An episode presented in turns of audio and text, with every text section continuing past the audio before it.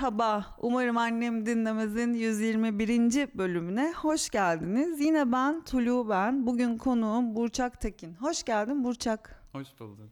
Tulio. İyisin, İyiyim. heyecanlısın. Ben de çok Heyecanlıyım. Sen Hı hı. karşımdasın çünkü. Evet.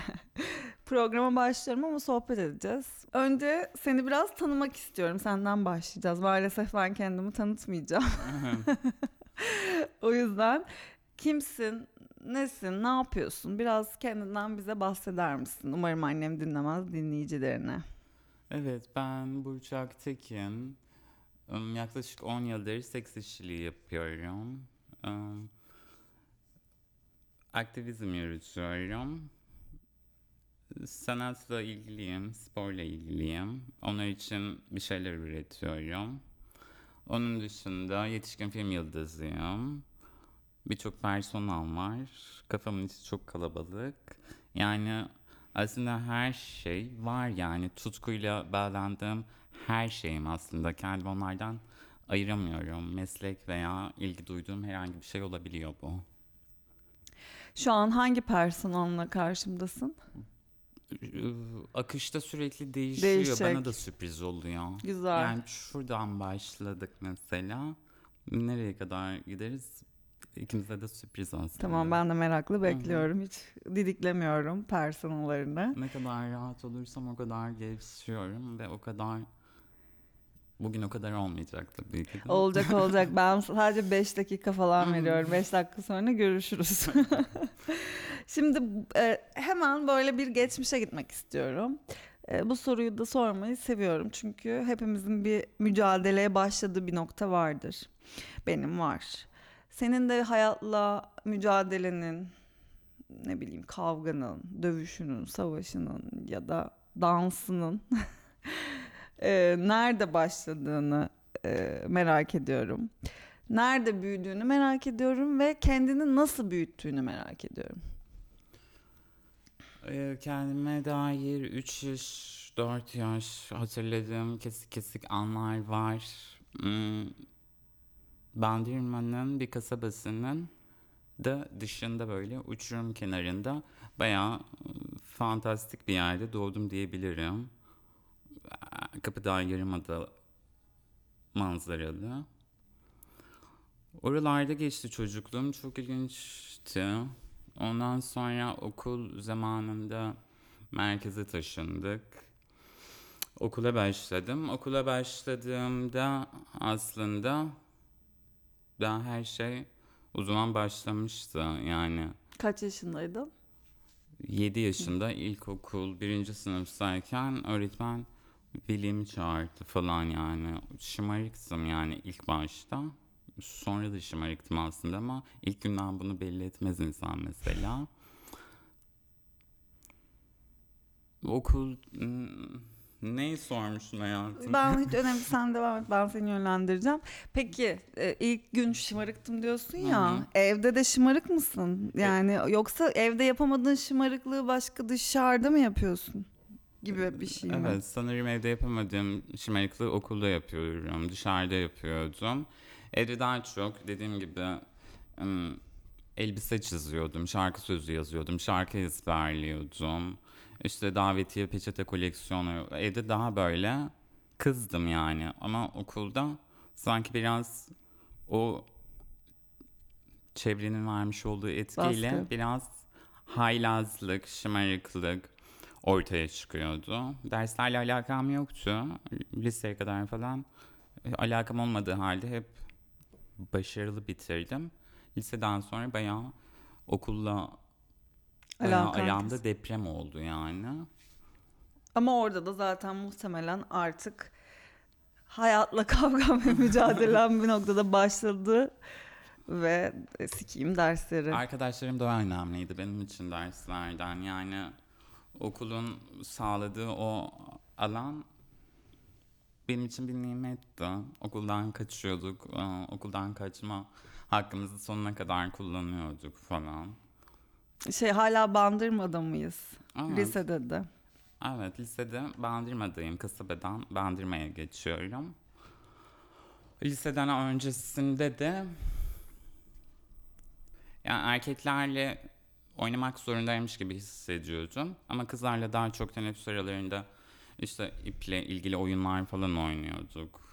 Kızlarla daha çok arkadaştım. Kızlar da beni çok seviyordu. Erkeklerle arkadaş değildim. Erkekler de beni sevmiyordu.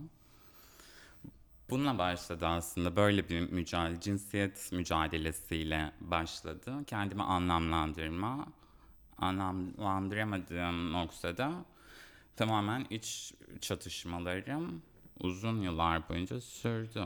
Yani evet. İlk kendini keşfedişini soracağım bu noktada. İlk mastürbasyonunu hatırlıyor musun? Daha ilginç bir şey hatırlıyorum. Daha derinlerde. 4 3-4 yaşlarındayken. Mastürbasyon değil ama. Anlatmak ister misin? İsterim aslında çok ilginç benim için. Çünkü yönelimim konusunda büyük etkisinin olduğunu düşünüyorum bunun da. Tek etken bu değil. Bu demiyorum ama büyük etkisi var bence.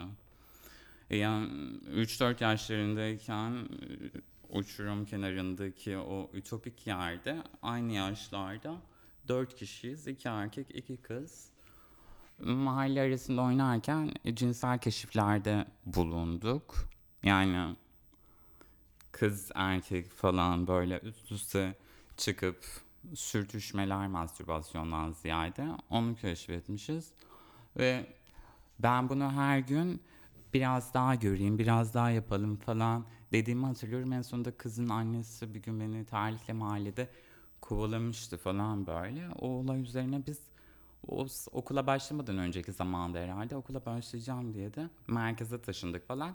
O bende öyle bir cinsellik deyince böyle bir hikaye var aklımda. Belki de o noktadan sonra şekillendi bir şeyler. Yani kızlara olan yönelimim daha çok duygusal bir yerde kalabiliyordu. Yani cinsel bir yere taşıyamıyordum onu. Erkeklerle daha cinsel olarak mücadele ettim o alanlarda. Ama ben de hatırlıyorum e, çok küçük yaşta komşunun kızıyla bir takım keşifler yaşadığımı. Ama O evet organik olarak e, kendine dokunmak, sürtünmek organik olarak geliyordu. evet. Sanki Ya o kadar bilinçli bir gibi. şey tabii ki Değil. değildi ama yine de dediğin gibi bir kapıları açtı. Evet.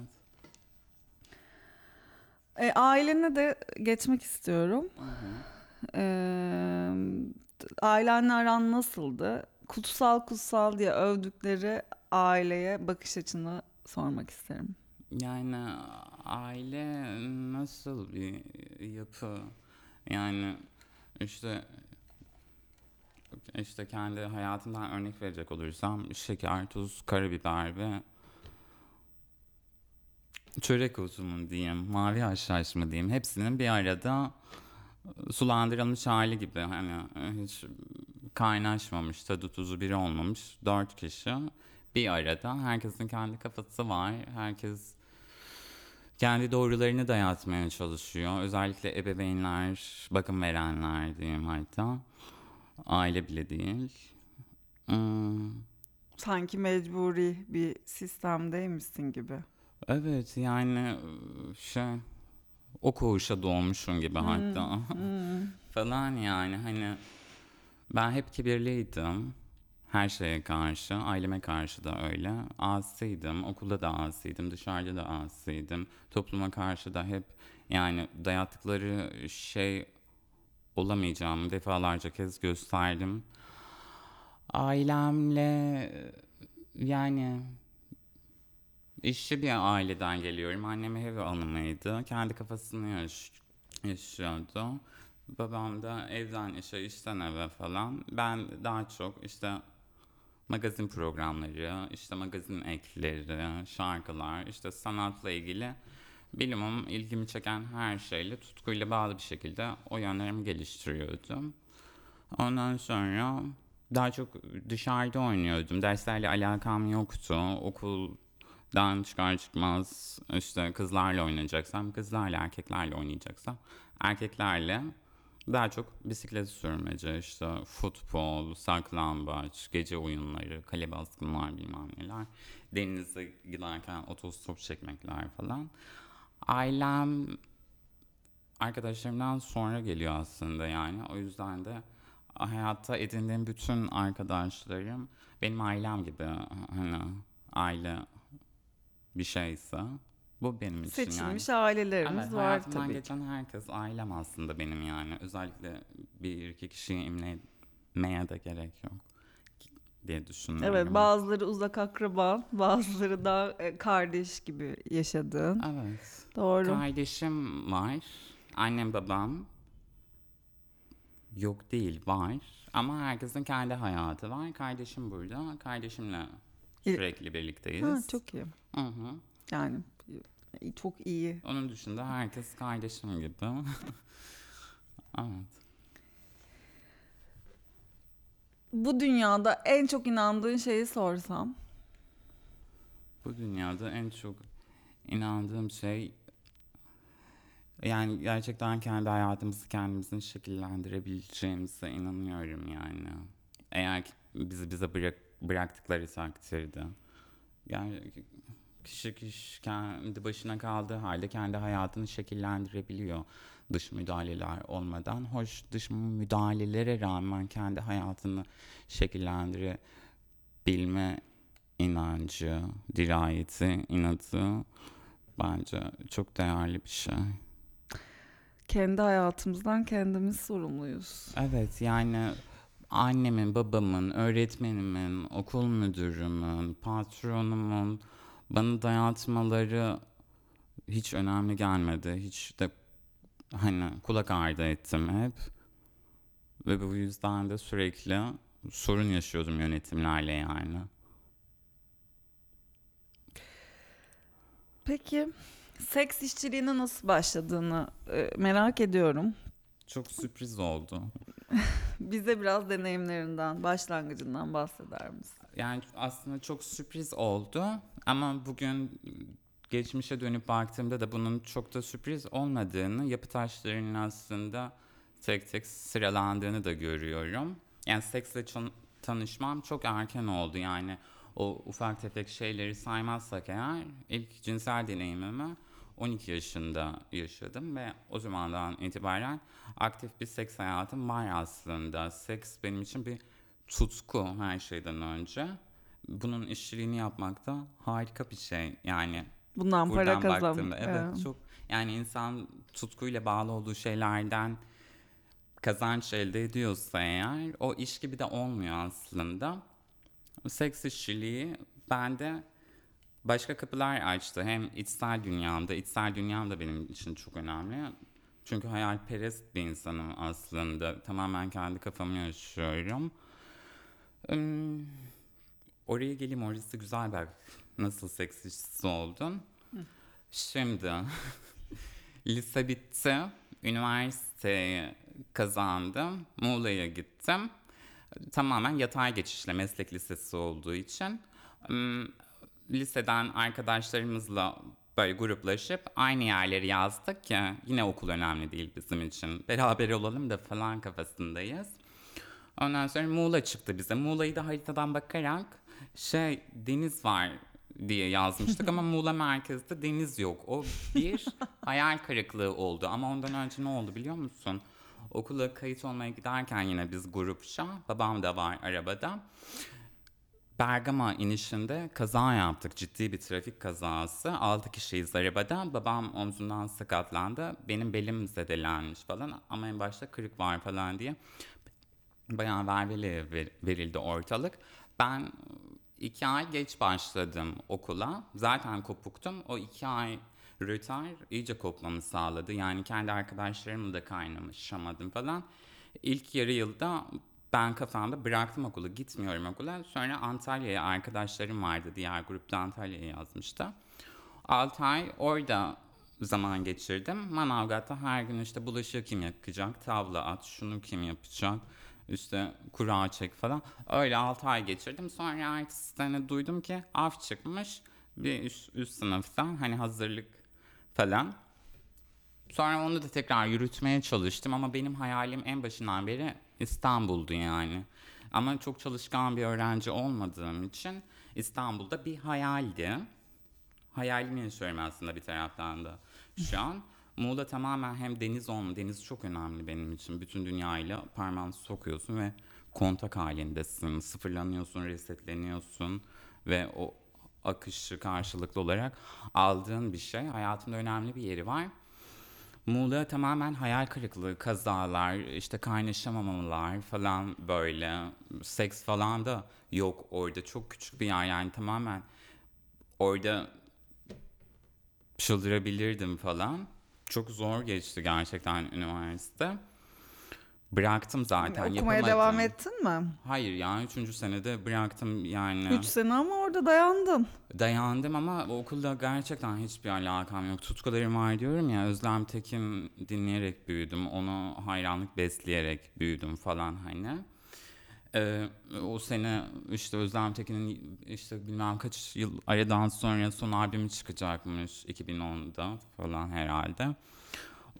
Forumdayım. Forumdan işte Özlem Tekin'le hayali arkadaş, hani sanal arkadaşlarım falan var. O tamamen o kafadayım. Okul mu okul bana ne yani okul. Hani ben başka yerlerden de öğrenirim elbet hayatla ilgili şeyler diye. Bıraktım yani öyle saçma salak bir sebepten dolayı çok bile durdum falan oldum. En sevdiğim özelliğim de sıkıldığım yerde duramıyorum. Bir şeyle çok ilgileniyorsam mesela iki ay bunun ömrü. iki ay aşırı fokuslanıyorum. Sonra bırakıyorum. Sonra başka bir şeye geçiyorum. Ama bu şeyler hiç bitmiyor. Sürekli bir şeylere, en ufak bir şeylere ilgi duyup onunla ilgili bir şeyler bulabiliyorum yani. Neyse. Üniversite bitti falan filan. O zamanlar trans açılımı yapmamışım. Hani gayim ama dışarıdan baktığında da erkeğim. İşte o handikaptayken okulu bıraktım. İşte o zaman okulu bıraktıysan çalışmaya başla. Garsonluk falan bir şeyler böyle. Sonra askerlik var tabii önümde. Bu problemi nasıl çözeceğim diyorum hani. Gitmek istemiyorum hani falan hani böyle. Ne alaka ben falan ama bunu gel nasıl anlat falan. Sonra o sırada bir fast food zincirinde çalışıyordum Bandırma'dayken. Sonra oradaki işim bitti. Oradaki müdürüm burada Zeytinburnu'na başka bir restorana geçmiş. O kendi ekibini oluşturmak istiyor. Bize birkaç kişi gelir misiniz buraya dedi. Ben de o sırada askerlik şeylerini falan hallediyorum ama yani ben gelirim mi dedim. 3 ay sonra askere gitme ihtimalim var falan dedim. Ya olsun 3 ayda toparlayalım falan dedi. Sonra ben bizimkileri ikna ettim ailemi. Sonra okey gittim. Geldim buraya yani. Artık İstanbul'dasın. Artık İstanbul'dayım. 2012'nin sonunda. Hayallerine geldin. Evet. Bir şekilde geldim. Asıl üniversite o Şimdi zaman başlıyor. başladı. Evet. Aynen öyle. Ee, 6 ay dayanabildik. 2012'nin sonunda geldim. İşte 2013 Mayıs'ta hikayem George'ladı. Çünkü sıkılamıyorum, baskıya gelemiyorum. Bir de şeyim de yani BBG falan izleyip de büyümenin etkisiyle sürekli iş ortamında hep ortalık karıştıran falan onu oyum yani hani tamam mı? İçimde öyle bir kız var. Canım sıkılıyor öteki türlü yani. Sürekli kulis çeviriyorum. 6 ay sonunda işte atıldım ben bayağı. Patron tarafından atıldım. Müdür çağırdığı için beni almıyorsanız benim elemanımı dedi. Ben de istifa ediyorum dedi. Onun istifa etmesini duyan 7-8 tane daha hiç tanımadığımız daha oradan çalışan onlar da toplu istifa ettiler. Aktivizm de başlamış. Evet, evet. Her şey birbirinin üstüne eklenerek yukarı doğru çıkıyor aslında. Sonra onları konuşuyoruz falan filan ama birkaç güne de adamların evinde kalıyoruz hani patronların. Bandırmaya dönmemiz gerekecek falan. Ben ne yapacağım diyorum şimdi. Yine mi döneceğim bandırmaya? Bu sırada askerlik çıkmadı. Bir sonraki 3 ayı bekle falan filan. Neyse. Sonra Twitter'da geziyorum falan. Pınar Övünç müydü? Övün müydü? Mehmet Ali'nin Evet. kay- Ö- öğün müydü? Pınar Öğün. Öğün. Ay burayı doğru söyleyelim. Ayıp olmasın. Pınar Ö- Öğün. Ö- Öğün. Öğün. Övün herhalde. Övünç değil. Övünç evet. değil. Twitter'da geziyorum. Şey, Önder Bey selamlar. Önder Bey dedim ya şey Taksim'de Taksim'de sadece iş aralarında gece yarısı tek yönü keşfetmiştim. Tek yönü arada çıkartma yapıyordum falan. Açılımlarda ufak ufak başlamıştı zaten hani gözlem için. Ondan sonra Önder Bey dedim ya Taksim'de ağaçları kesiyorlarmış dedim. İki gün sonra gideceğiz evde sıkılıyorum. Ben en iyisi oraya gideyim bakayım dedim. O da tamam dikkat et falan dedi. Taksim'in nerede olduğunu bilmiyorum. Hani ağaç kesmek ne demek işte polis saldırısıyla ilk defa karşılaşıyorum falan. Gezinin tam içine düştüm. Sonra bir daha bütün ipleri yaktım. Hmm. Sonra hı, Yok dinliyorum. soru neydi? So- soru e, seks işçiliğinin nasıl Ha, başladığını. Evet oraya götüreyim seni. Sen geziyi yaşadın öncelikle Aslında be. geziyi Ve yaşadım.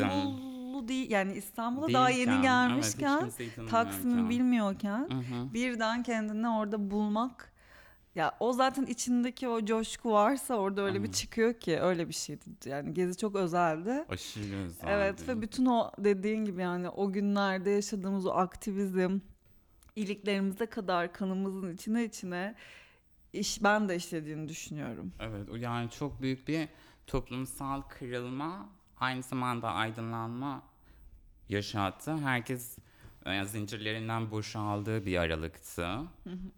Kişisel e, takvimimde çok önemli bir yeri var. Çünkü trans dönüşümde de gezinin ertesinde başladı ve seks işçiliği geldi. Yani e, gezi de e, çok aşırı verimli yani bir yaz boyunca süren bir atölye gibiydi aslında deneysel bir aralıktı.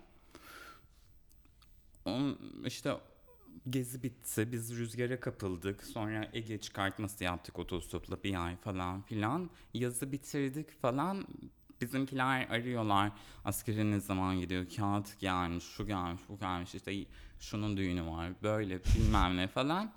Ben e, geziye girdim, komiteyle tanıştım. E, Lambda'nın etkinliklerine falan filan oradan komünün içine girdim. Ondan sonra bıraktım. Ege'ye otostopla tura çıktık, döndük. Kış oldu.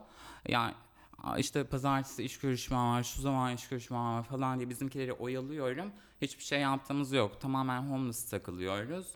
İşte çok ilginç hikayeler var. İki ay tanımadığımız birisinin evinde 15 kişi falan kalıyoruz ve komün hayatı deneyimliyoruz aslında tamamen sıfırdan. Ondan sonra yaz bitti. Kış, Lubunyalarla mısın? Lubunyalarlayım. Artık o iş arkadaşlarından, o e, zincirden O, orası bitti. Bitti, o tamam. hikaye Artık bitti. kendi çevreni oluşturduğun bir sistemdeyiz Aynen, geziden sonra. aynen. Paralel evren. Evet, Vay başka. Yani çok değerli buluyorum o yüzden yaşadığım şeyi ve neyse ki merak duygum hiç körelmediği için aynı zamanda macera perest bir yapım olduğu için de yani bilinmeyeni bilinmeyen beni çok korkutmuyor aslında. Dağ yürüyüşü falan tatillerde yapmayı çok seviyorum. Tepeye çıktığımızda arkadaşlarım artık illallah ediyorlar. Şu tepenin arkasında ne var? Şu oraya o tepenin arkasında var. Sürekli o tepenin arkasını merak ediyorum yani. Bir sonrakini de görmek Evet istiyoruz. evet evet. Büyülüyor beni. Onu biraz daha yaklaşıyor olmayı hissetmek bende başka şeyler uyandırıyor. Onlar artık ölmüş bitmiş falan oluyorlar hani. Öyle. Meslek başlangıcına dönecek olursak. Aynen. Ee, döndük Aralıktı çok sertti homeless'ım kalacak bir yer yok herkes evi olan evine köyü olan köyüne dönmüş ben hala bir ışık arıyorum ışık yok falan. İşte internet kafelerde falan yatıyorum. Parkta kalıyoruz. Marketlerden işte günlük e, karnımızı doyuracak hırsızlıklar falan yapıyoruz ufak çaplı.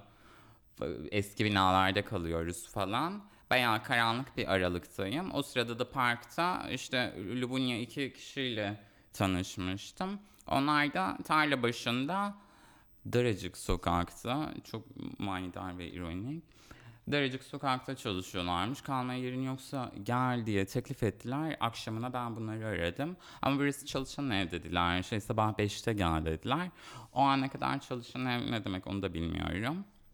Ondan sonra neyse sabah oldu falan gittim. Orası çalışan evmiş ama orası da başka bir dünya hani. Ee, oraya gittim bir gece yattım, iki gece yattım. Kalacak yerimin olmadığını anladıklarında şey artık ufak ufak işte sakalları da kesersin, yılbaşına dışarıya çıkarsın falan filan ufak ufak beni de alıştırdılar. Çünkü alternatif bir seçeneğim yok. Olsa bile gitmek istemiyorum. Kendi içimde de bunun muhakemesini yapıyorum. Hani kızlar çalışıyorlar, ben burada yatıyorum falan hani anarşist falan personel marşal varlı mal varlı turuncu saçlı sakallı. Neyse ondan sonra yatıyoruz. Ha, Okey ikna oldum 2-3 güne tamam mı? İşte eteğimi giydim. Yılbaşında başladım yani 2013 ve 2014'e girerken yılbaşında seks işçiliğine başladım. Hani herhangi bir günde herhangi bir yerde başlamak daha farklı olabilirdi herhalde. Ama hem yılbaşında hem tarlabaşı bulvarında başlamış olmak beni tamamen kör, sağır, dilsiz sudan çıkmış bir balık yaptı yani böyle. Giyindim, hazırlandım. Baktığım kişi ben değilim. Ondan sonra e, Lubunyaların yanına verdiler beni. Lubunyalar konuşsana diyor. Soruyorlar fiyat. Ben adamların yüzüne bile bakamıyorum. Onlar benim yerime cevap veriyorlar.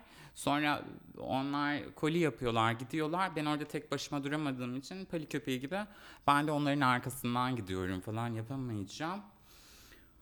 Oh, ondan sonra bir de içinden şey var yani o ilk şaşkınlıkla yani ben erkek kıyafetlerinin içerisindeyken bana bu kadar zorbalık yapıyorlardı. Kim bilir bana kadın kıyafetlerinin içinde ne yaparlar diye düşünüyorum. Hani o cesareti bulamıyorum insanların yüzüne gözüne bakmaya.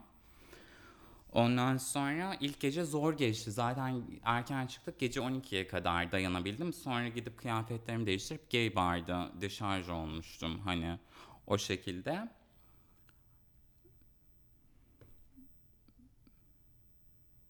Zor karanlık bir yani adaptasyon süreci geçirdim aslında. Ama bir hafta sonunda işler bir hafta sürdü yani bu. Bir hafta sonunda alışmış mıydın? Alışmıştım çünkü şey artık nasıl bir imaj yansıttığımı ve insanların ne istediğini o bir haftaki o fabrikasyon sürecinden itibaren çünkü sürekli bir sirkülasyon var hani yoğunlukla beraber iyice çıkıyorsun yani yumurtadan. Sonra zaten şey arzu nesnelerim erkekler onlara ulaşmanın daha kolay olduğu bir yolla girmiş oldum. Em, hemen bir haftada bir çocuğa düştüm mesela. O benim işe bağlanmamı daha çabuklaştırdı. Aynı zamanda içine girmiş olduğum yabancı dünyadan da işte günlük tutarak yani gece işi bitiriyorduk. Ben arkada kolye odasında ayaküstü öyle yaşadıklarımı falan anlatıyordum. İşte birkaç kere günlük tutmaya başvurdum çok karanlık dönemlerimde. Tamamen iyileştiriyor yani. Duruyor mu gün- günlüklerin? Sanırım geçen seneye kadar duruyordu. Sonra onlardan da kurtulmak istedim. Ağırlık yapıyorlar çünkü. Evet. Seks işçiliğine böyle başladım. Hem başta şey diyordum. Okey tamam bahara kadar yaparım. Bahardan sonra yine parkta bahçede yatarım diyordum. Hani yine omuz falan takılırım diyordum. Ondan sonra alıştım. Yani meğer buymuş benim ilacım. Hani müjdarlarla büyüyorsun, Serpil Çakmaklılarla büyüyorsun. İşte önünde ne bileyim bütün magazinsel figürler mevcut. İşte Hande Ataizi'sinden skandal isimlere kadar. Ya işten işe o olmak istiyorsun. O bir yerde açığa çıktığında sen bunu fark etmiyorsun bile. Sonra geriye dönüp baktığında onun o olduğunu görüyorsun. Gerçekten de e, arzularımın ve hayallerimin peşine bir şekilde ulaştığımı düşünüyorum. Seksi bu kadar çok severken yine dediğim gibi seks işçisi olmak benim için çok normal bir şey. Yani en başlarda seks işçiliğiyle ilgili çok zorlanıyorum. Belki her işte böyledir. Ama erkeklerle, insanlar da değil yani. Erkeklerle uğraşıyorsun. Zor. Zor. Yani Ama söylediğine de katılıyorum. Hani hangi işe başladığında ilk hafta bir Evet. anda o mesleği hadi bakalım çok iyi yapıyorum dedin. Yani sonuçta bir alışma süren, e, bağlanma süren, anlama süren olacaktır. Ben öyle dinledim bu hikayeyi. Ama şey de sormak istiyorum. Daha önce yaptığın meslekler e, ve şu an yaptığın meslek karşılaştırdığında tabii ki şu anki yaptığın mesleği seçtiğinde görüyorum yani istediğini, bile isteye bunu seve seve yaptığını. Burada kurallarını kendin koyuyorsun değil mi? Yani öyle bir sistemdeyiz artık. tabii ki. Yani bu zaten hayattaki en büyük amacımız Lüks yani. olmalı. Evet amacımız olmalı. Lüks de olmamalı Aynen çünkü ayrıca. sen o kadar o, o sistematik dünyanın içinde o patron dünyasının içinde ne bileyim bir sürü insanla komün hayatında o şey restoran zincirlerinden bahsediyorum. Hı hı. Bir sürü dünyanın bir sürü derdini çilesini yaşamışken burada patron sensin. Evet. Yaşadığın şeyin sistemini sen kuruyorsun, kurallarını sen veriyorsun. Evet. Kazanacağın paraya sen karar veriyorsun Evet. muhtemelen Tamam. gibi gibi durumlar var ve sen şu an artık onun farkındasın, güçlü, Evet. dimdik Evet. bu mesleği yapıyorsun gibi algıladım. Doğru mudur? Doğru. Yani buraya ulaşmam e, çok kolay olmadı dönüp baktığımda ama yaşadığım her macera bana biraz daha güç verdi. Hmm, Yani çok küçük yaşlardan beri işte ailemin zoruyla yani bana kalsa çalışmak öyle bir dünyada çalışmak değil. Hani inek çobancılığı da yaptım. 15 gün dayanabildim. İşte garson olarak da çalıştım. Bilmem ne de yaptım. Sürekli bir yerlerde giriyorum ama hem sıkılıyorum hem sistemi anlamasam bile işime gelmiyor yani sistem. En fazla 6 ay. 6 ay sonunda biriyle kavga ediyorum. işe gelmiyorum. Kovduruyorum. Ya ben rest çekiyorum falan. Normal e, iş yaşantısı bana göre değildi. Ben Özlem Tekin'le büyüdüğüm için Özlem Tekin bir röportajında şöyle diyordu ve o çok hoşuma gitmişti. Onu ben de benimsemiştim. Hani küçükken diyordu hiç sabah erken kalkmak zorunda olmayacağım bir işim olsun istiyordum. Müzisyen oldum diyor. Ben de aynı şekilde seks işçisi oldum. Onda da sabah erken kalkmak zorunda değilsin. İstiyorsan kalkabilirsin. Ama bu saatte buraya geldiğin için sana teşekkür ederiz. Şu an senin için sabah. e, Sabah, Aynen evet. saat üç buçuk falan herhalde. İki saat erken kalktım. Sabah çok zor yattım. Acaba uyumadan mı gitsem dedim. Sonra Çalıştın mı? Neye? Dün çalıştın mı? Yani bir- bir- Merve ile beraberdik. ha doğru. Çalıştın Fotoğraf çekiminiz vardı. Hı, Tamam evet. okey pardon. Ama heyecan da var ya o da uyku tutmuyor. Tutmaz. Bir de uyku düzenim 4 seneden beri pandemiyle birlikte sabah kızıydım yani. Sabah kalkıp spora gidiyorum, bebeğe gidiyorum, şuraya gidiyorum falan. O zamana kadar hep seks işçiliği ve DJ'lik yaptığım dönemde hani geceye mahkumsun falan. Sabah pandemiyle bu vesileyle tanışınca sabahlar sana bambaşka bir dünya geliyor. Çünkü son 7 senem karanlık hani bu şekilde. Son yol çalışması başladı kapının önünde caddede. O benim dengemi bozdu. Tekrar eski sistemime geri döndüm yani. Gecenin sessizliği bana şey Allah gibi geliyor hani böyle kucaklıyor. İlham verici sessizlik bence de. Sabah 8'de uyanıp da iş makinesi dinlemektense öylesi daha iyi. Bu arada belediyelere sesleniyorum buradan. Eğer iş makinesi olan bir yerde e, çalışma yapacaksanız bir yerden de hoparlörlerle tekno müzik falan verin mahalleye de hani bir nizamı olsun şeyin. Ayıp gerçekten. Sonra bir de o isteyeceksiniz 3-5 ay sonra. Evet. Seks hayatın nasıl gidiyor? Seks hayatım tamamen kontrol altında gidiyor. Seks benim için bir tutku. Seks benim için bir tutku olduğu için ve seks işçiliğinin gerektirdiği doğrultuda karşımdaki kişinin kim olduğundan ziyade benim onu malzeme olarak kullanıp kendi seks hayatımı Hemen. geliştirmek Ha. üzerine. Hemen araya gireceğim. Hı hı. Çalış yani seks işçiliği yapmadığın süre zarfının dışında Yani e, kendin senin e, özel bir seks hayatı var mı diye sorayım o zaman. Evet. Yoksa e, aslında o tutku senin için öyle bir tutku ki sen onu birbirinden ayırmayan bir sistemde misin? Aslında ayırmadığım bir sistemde olduğum için işin dışındaki özel yaşantım yani onu da deneyimledim. Ee, patinaj yapıyormuşum gibi geliyor bana. Onu çok deneyimledim.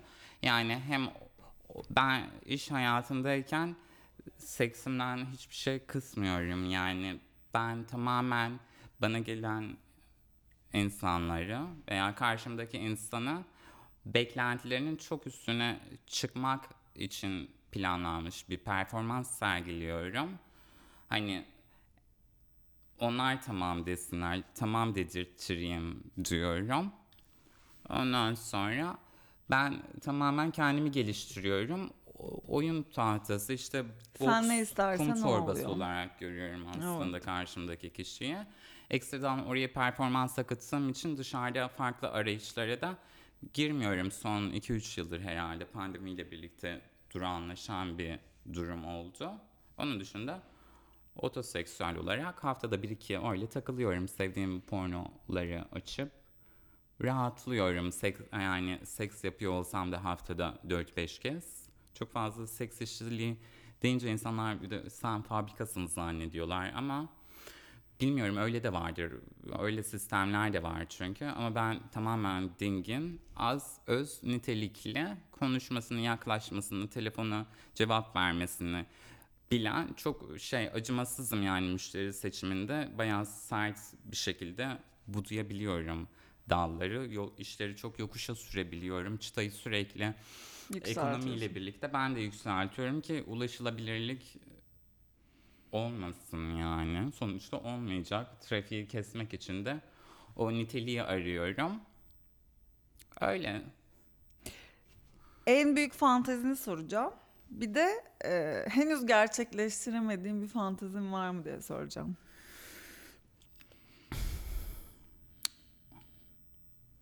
Yani hayallerim var herhalde. Fantezi oluyor yine onlar değil mi? Evet tabii. Evet. yani aslında sadece erkeklerle ilgileniyorum. Yani benim elimde olmadan gerçekleşen bir şey bu. Ama kadınlarla da ilgilenmeye, ilgilenebilmeyi çok isterdim çünkü.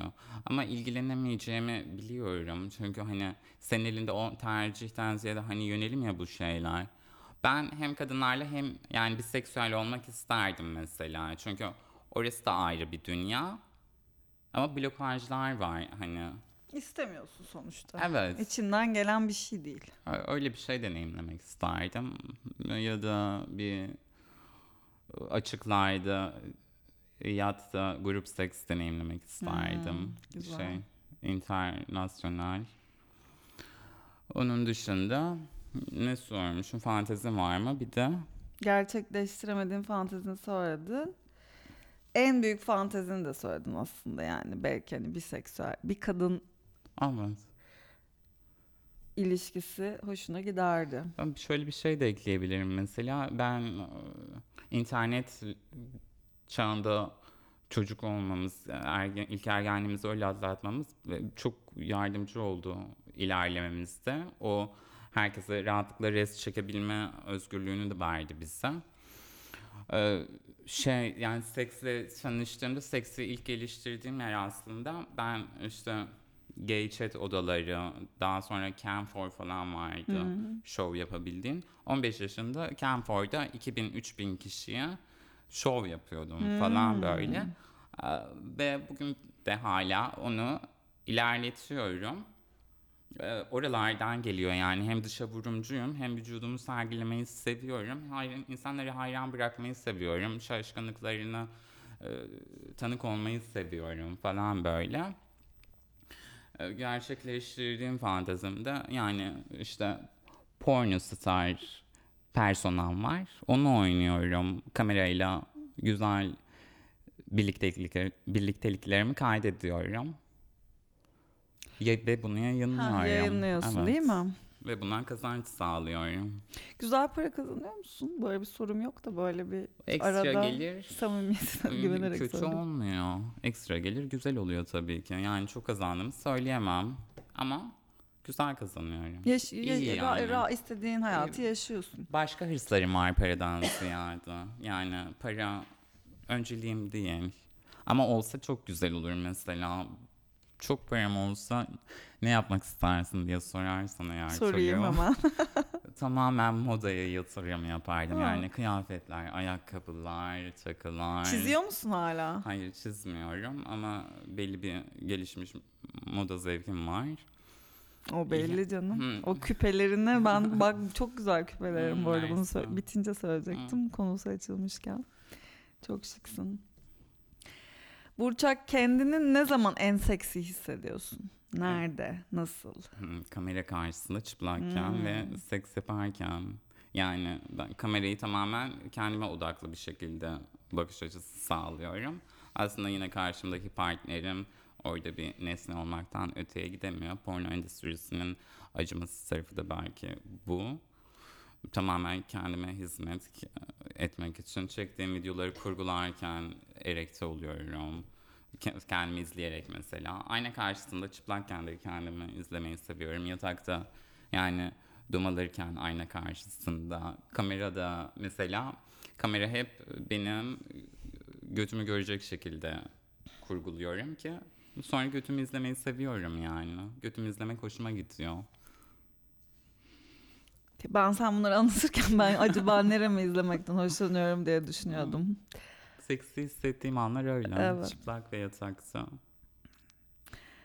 O zaman biraz böyle e, küçük bir can sıkıcı sohbetlere gireyim. Bu ülkede ve bu sistemde kendini ne kadar güvende hissettiğini sormak isterim sana. Yani Ya da en güvende hissettiğin yer neresi? en güvende hissettiğin yani her yerde de güvende hissedebilir insan kendini. Hiçbir yerde de güvende hissetmeyebilir açıkçası. Ben yani deneyimlerim sonucunda yani kime güvenip kime güvenmeyeceğimi öğrendim. Bu noktada e, ülkenin e, belli kurallarının ne olduğunu öğrendim. İnisiyatifler ve ayrıcalıkların ne olduğunu öğrendim. Ha, e, öğrendim, deneyimleyerek öğrendim yani. Ben de inandım. Yani aslında o kadar da karamsar değilim. Bu kişiden kişiye göre değişir ama böyle bir e, konuşma esnasında hep genel geçer şeylerden bahseder ya katılımcılar. Genelde şunun duyuluyor olmasını isterler. İşte çok kötü sistem, işte e, barınma şartlarımız çok zor. Evet benim için de çok zor ve hala binlerce kız için de çok zor. Barınma şartları, yaşama şartları, sürekli üzerlerindeki devlet baskısı, Bayram Sokak örneği, daha sonuçlanmamış yıllık davalar, e, yani bundan sonraki süreçte umarım bunlar giderilir. Çünkü çok büyük aldığımız yaraların hani dinme noktasındayız. Hani biz son noktasıyız. Bizden öncekiler daha fazla yara almışlar. Ee, Ama genel çerçeveden ziyade ben sıyırdım artık oradan kendimi. Çok genel düşünmek de istemiyorum. Ben benim için zaten zorken başkası için mücadele veriyorum, vermiyor değilim, çok verdim. Ama bu noktadan sonra da biraz kendi penceremden hani dünyayı değiştiremiyorsan dünyanı değiştir. Tamamen oradayım. Hmm, Zor, zor değil diyemem. Hala zor. Ee, ama böyle sanatçı yani olmak, rol yapmayı gerektiriyor ya. Rol yapıyorsun, çok mutlusun, hiçbir şey yok. Yani hani yayın başka bir şey bir de kurguda hatalar şunlar falan var. Onlar yok mesela ortada. O yönünü yansıtıp da duyar veya insanların sömürüsünü san anlatım biçimleri de var ama ben o olmak istemedim. O tarafımı yansıtmak istemedim. Ben çünkü hayata parlak, canlı, neşeli, tutkulu yönlerini yansıtmak ve bunları görmek istiyorum açıkçası. Ama gerçeklikler var. Hepimizin bildiği gerçeklikler bunlar. Konuşmak can sıkıcı. Bir an önce giderilmesi temennisini dilemekten başka bir şey diyemiyorum. Ben e, en çok kendime güveniyorum yani. Hani kurumlara, kuruluşlara, birilerine güvenmekten ziyade eğer haklı olduğunuzu biliyorsanız yani e, kendinizi güvenebilirsiniz. Yani eğer haklı olduğunuzu biliyorsanız sesiniz zaten 300-500 kişilik desibeli çıkartabiliyorsunuz. Ben haklıyım ve herkes o zaman haklı olduğuna inanıyorsan ve bunu insanlara geçirebiliyorsan eğer yani kurum kuruluş işte polis şu tutanaklar falan bunların hiçbir önemi yok. Ben şeyi öğrendim. Seks işçiliği yapsın. Osman Bey'de iki yıl boyunca caddede internete geçmeden önce her akşam kaçırılma, vurulma, darp, e, hakaretler, şunlar bunlar. Bunlar her akşam vardı ama ben orada oraya o motivasyondan ziyade şeyle çıkıyordum. Orası benim podyumumdu. En güzel, en şık kıyafetlerimi tamamen podyuma seks işçiliği yapıyorum ama o personadayım falan hani böyle. İşte kaçırılmalar, darplar, gasplar, şunlar bunlar falan filan. Bunlar her olduğunda da işte polise gidiyorsun, şuraya gidiyorsun, buraya gidiyorsun falan filan. Gerçekten ilgileniyorlardı polisler. Tutanakları tutuyorlardı. Ağır bir sistem var, akmayan bir sistem var. Ama e, gerçekten polise gidip şikayetçi olmanın bir ayrıcalıklı grup bile olsan ters yani çözümü ulaşacağını fazla ileriye gitmeden gördük. Görmedik değil. Ama her şeyde gidemiyorsun yani dayak yiyorsun, gidiyorsun. Sonuçlanmayacağını bildiğin şeyleri ve önünde bariyer oluşturabilecek şeyleri görerek ona göre mesela e, gidip şikayetçi olabiliyorsun. Veya artık mesela şuradayım hani giderim işte seni şikayet ederim polise falan değil. Sadece cümlenin içinde e, rahatsız olduğum öyle bir denklemin içerisindeyken polis lafını geçiriyorum mesela. O, o polis lafı bile bariyer çekiyor mesela karşıda kendini bilmez densizin birini. Daha böyle büyü gibi kullanıyorum sözcükleri gerçekliğe kavuşturmak yerine. Hemen ben o zaman bir sözcük, bir slogandan bahsetmek istiyorum. istiyorum. Her zaman sokaklarda haykırdığımız, bağırdığımız kadın ci- cinayetleri politiktir, trans cinayetleri politiktir. Sen de feminist mücadelenin içinde aktif olan, çok aktif olan birisin.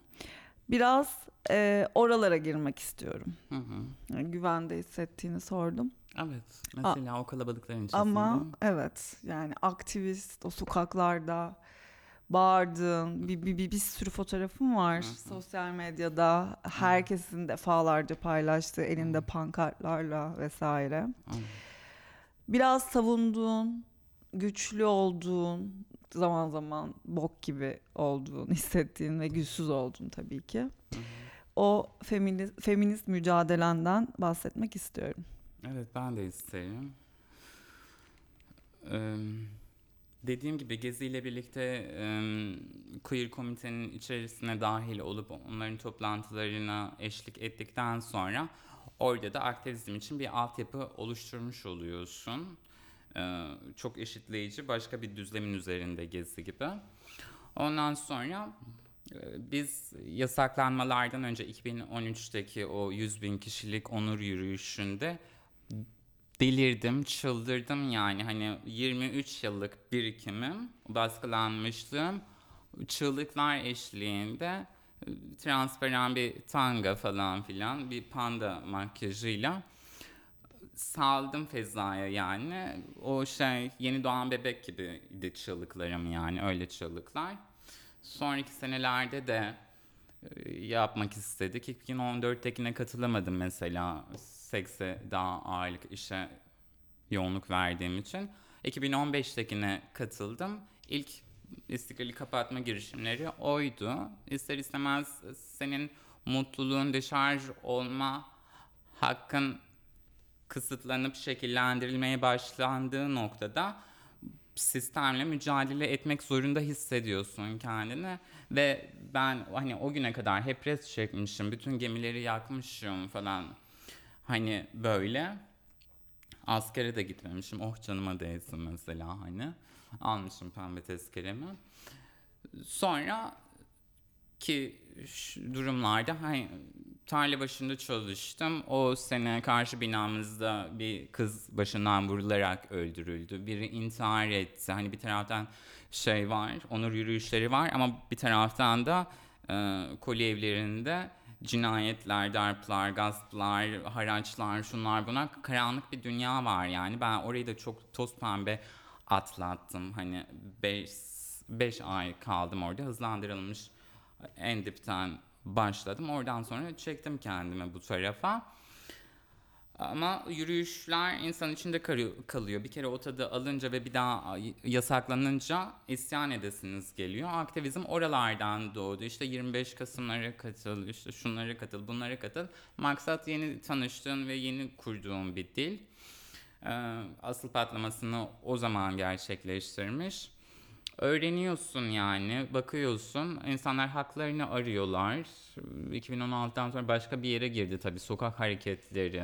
Her şey değişti, dönüştü, yine değişiyor, yine dönüşüyor. Hiçbir şey sonsuza kadar kalmıyor kurallarda. Sürekli dönüşerek ilerliyor. Şeyim ya. Hmm yıldızların nerede dur- durar durursa parlayacağını biliyorum. Biliyorum yani. O zaman neye öfkeliysem çok kendiliğinden gelişiyor. Hani şarkı yazmak gibi herhalde. Hande Kader cinayeti, Eylül Johnson cinayeti, Çingene Gül'ün cinayeti. Hani bir taraftan yeni bir dünyaya girdin ama bir taraftan da haberler geliyor, korkunç haberler geliyor. Biri yakılarak öldürülen, e, biri köprüden atlamak zorunda bırakılarak öldürülen, biri baltayla parçalara ayrılarak öldürülen ve bunlar yani dün birlikte olduğun insanlar veya hani aynı şehirde çalıştığın farklı insanlar. Bu yani bir de yenisin. Şimdiki gibi kaşar değilim. 10 yıllık deneyimim yok. İlk senelerim. Haliyle bu sende bu karanlığı üzerine sindirilen karanlığı nasıl atacağını düşünerek geçiyor. Pankart 8 Mart pankartında Hande Kader bu şehirde bir kadın yakılarak öldürüldü pankartını ee, yine polis dayatmasına rağmen oluşan kalabalıkların içerisindeki en yüksek noktaya çıkarak hiç kimsenin görmeme şansı olmamasına özen göstererek oraya yarı çıplak bir şekilde çıkıp hani herkes duysun bunu yani polisler de görsün Onları da karşı salladım. Herkesi de salladım. Birinin sallaması gerekiyordu. Ben de öyle şeyleri çok severim açıkçası. Bu yönümü de verimli bir şekilde kullandığım için kendimle gurur duyuyorum açıkçası. Oradaki hayırlı durumdan sonra daha sonraki bu gibi durumlarda da yine benzer şekillerde pankartlar açtım. Geçen sene Cihangir'de e, kalacak yeri olmadığı için kedi kulübesinde ölen Paniye Deniz var mesela. O da çok zoruma gitmişti yani. Sadece ben hani devlete falan filan olmuyor lafım. Yani bir laf söylüyorsam onun en az beş farklı yerde yansımasını bulmak istediğim sözleri seçiyorum. Bıçak gibi sözler, keskin. Öyle yapıyorum. Yani böyle durumlarda yani bireylerden ziyade kurumlar, kuruluşlar, dernekler, örgütlerin niye var olduğunu düşünüyorum yani. Okey, devlet yetemiyor. E, kurum var, örgüt var, o var, o da yetemiyor falan Öfkem her yana saçıyor. Yani yaylım ateşi gibi oluyor. Eğer böyle tatsız bir ölüm haberi, bir bir şey falan yaralarsa acı bir şekilde bu şekilde yani ortaya çıkıyor. Kaldı ki bireysel trans cinayetlerinden de ayrı.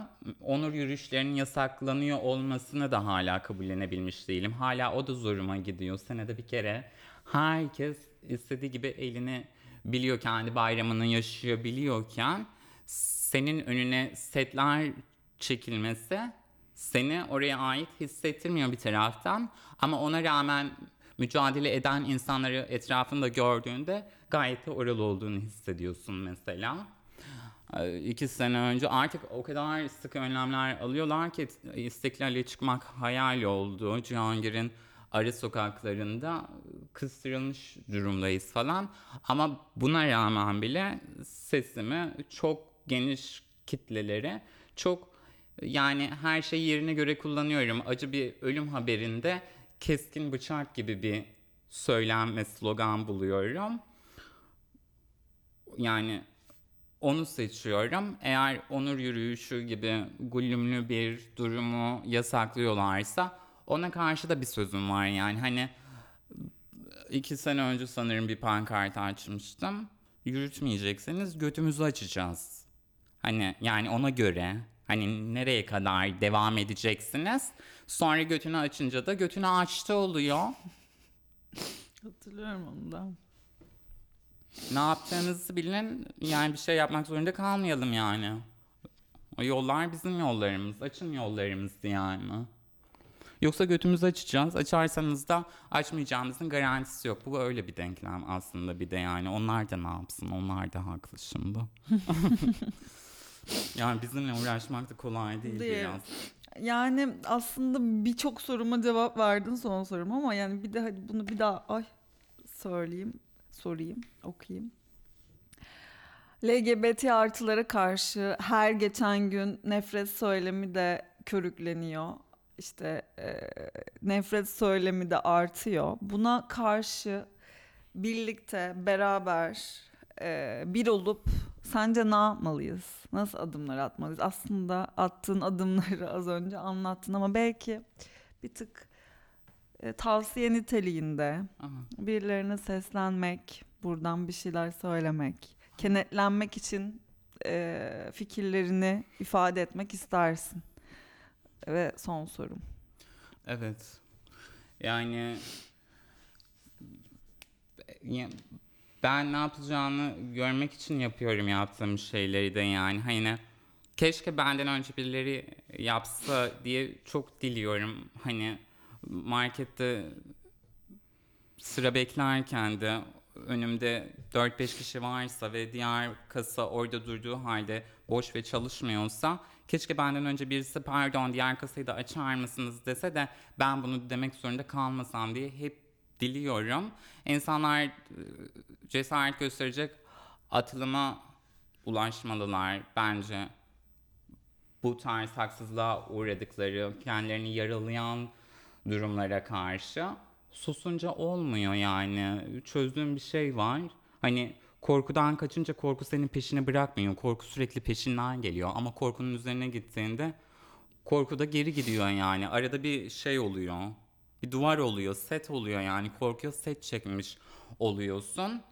Mesela yine Cihangir'deki sıkıştırılmış Pride'da içmişim zil zurna sarhoşum. Arabanın tepesinde görüntülerim var. Sonra bir şekilde götüm kaşınıyor ve polis alıyor beni. Yani aldırıyorum gibi bir şey oluyor aslında kendime. Çok fenayım. Em, Arabanın içinde bir arkadaşım falan da var böyle. Şov, şov yani şovcu olmalılar. Ya bir sürü silahları olmalı bence. Yani her yerde kullanılabileceğin savaş sanatı falan bunlara ilgiliyim. Hangi muharebede hangi silah iyi kullanılır? Bunları biliyorum. Kendi silahlarınız olmalı. Bu gibi nefret söylemleri, linç girişimlerinde falan. Yani tepkisiz de duyarsız da kalabilirsiniz. Ama bazen öyle şeyler diyorlar ki yanlarına kar bırakmak istemiyorsun açıkçası. Ee, yani pas atıyorlarsa sayı çeviriyorum. Öyle söylemler var. Hem bireysel hayatlarında fena olmadılar yani ama biraz hafif de olmalılar. Kulak ardı etmeliler ama püskürtecek materyaller de edinmeliler. Hmm, ben kalabalıklara çok güveniyorum açıkçası. Nerede rahat hissediyor musun diye sormuş muydun kendini? O- Güvende demiştim ama Güven- zaten ilk geldiğinde kay- kayda girmemişken e, kesinlikle toplu taşıma kullandığından Evet, evet, taksi- evet, evet, taksiyi evet, tercih evet. etmediğinden çünkü kalabalığın içinde her Evet. zaman daha rahat hissettiğinden evet, bahsettin. Evet, evet, evet, evet. Çok teşekkür ederim bunu Rica ederim. hatırlattığın için. Kalabalıkların içinde gerçekten kendimi çok rahat hissediyorum. Hani gezi ve daha sonrasındaki işte eylemler kalabalıkların arasında oraya da bağlayacak olursak eğer bunu ne yapsınlar ne etsinler gibi sürekli yeni etkinlikler kovalasınlar, örgüt toplantıları koştursunlar, sinema gösterimleri, film gösterimleri, söyleşiler var. Buralardan kendilerine çevre yaratarak e, bir altyapı ve zemin oluşturabilirler. Uğradıkları haksızlıklar karşısında da susmayı kendilerine yakıştırmamalılar yani bence hani. Çünkü hayat sizin hayatınız. Birisinin yani sizi çok görüyorum öyle tablolar. Enayi yerine koyup da kendi egoları için bekletmenin manası yok hani. Her gördüğüm yerde her gördüğüm rahatsızlığı hep dile getiriyorum. Bir kere bir konuşmaya gitmiştik. Geç kaldığımızı zannediyoruz arkadaşımızla. Kapının önünde 7-8 kişi var. Niye bekliyorsunuz dedik. Şey daha hazırlanmamış içerisi. Alacaklarmış hazır olunca dediler. Aa ne demek o öyle falan dedim. Gittim kapıyı çalacaktım hani. Geçti saat falan. Aa, baktım kapı açıkmış. Hiçbiri de gireyim dememiş. Bizim zamanımız zaten geçti. Bize bir kişi de dememiş yani. Hani ben oraya gelene kadar bir kişi de bunu desin benim arzum yani. Hani ben olmasam da birisinden birisi desin. Sırada bekliyorsun. Sen "Aa, diğer kasayı açar mısınız demesen bekleyeceksin yani orada. Ama benim için Oralar teferruat, orası devlet dairesi değil. Ben beklemek zorunda değilim. Sıra numarası almamışım falan filan. Ne kadar erken halledilirse gittiğim yerde ve travestilik damarım buralarda ortaya çıkıyor hep. Çaçaron olsunlar bence. Biraz Lubunya olmak çaçaron olmayı gerektiriyor. Yırtık olacaksın yani hakkını almak için. Susarsan kimse sana hakkını vermiyor. Seni karanlık bir köşeye, halının altına süpürüyorlar. O yüzden kimse susmasın. Herkes tırnaklarını göstersin. Onların silahları varsa bizim de silahlarımız var. Tırnaklarımız her gün biliyorsun, yapıyorsun bir şey.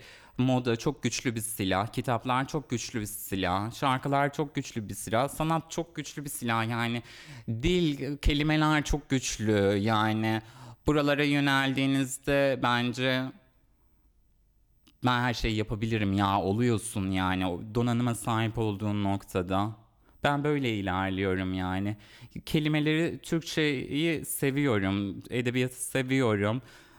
Türkçeyi şekillendirmeyi, üre- kelime üretmeyi falan seviyorum. O ikircilikli halini seviyorum, ironiyi seviyorum. Laf sokmayı çok seviyorum mesela.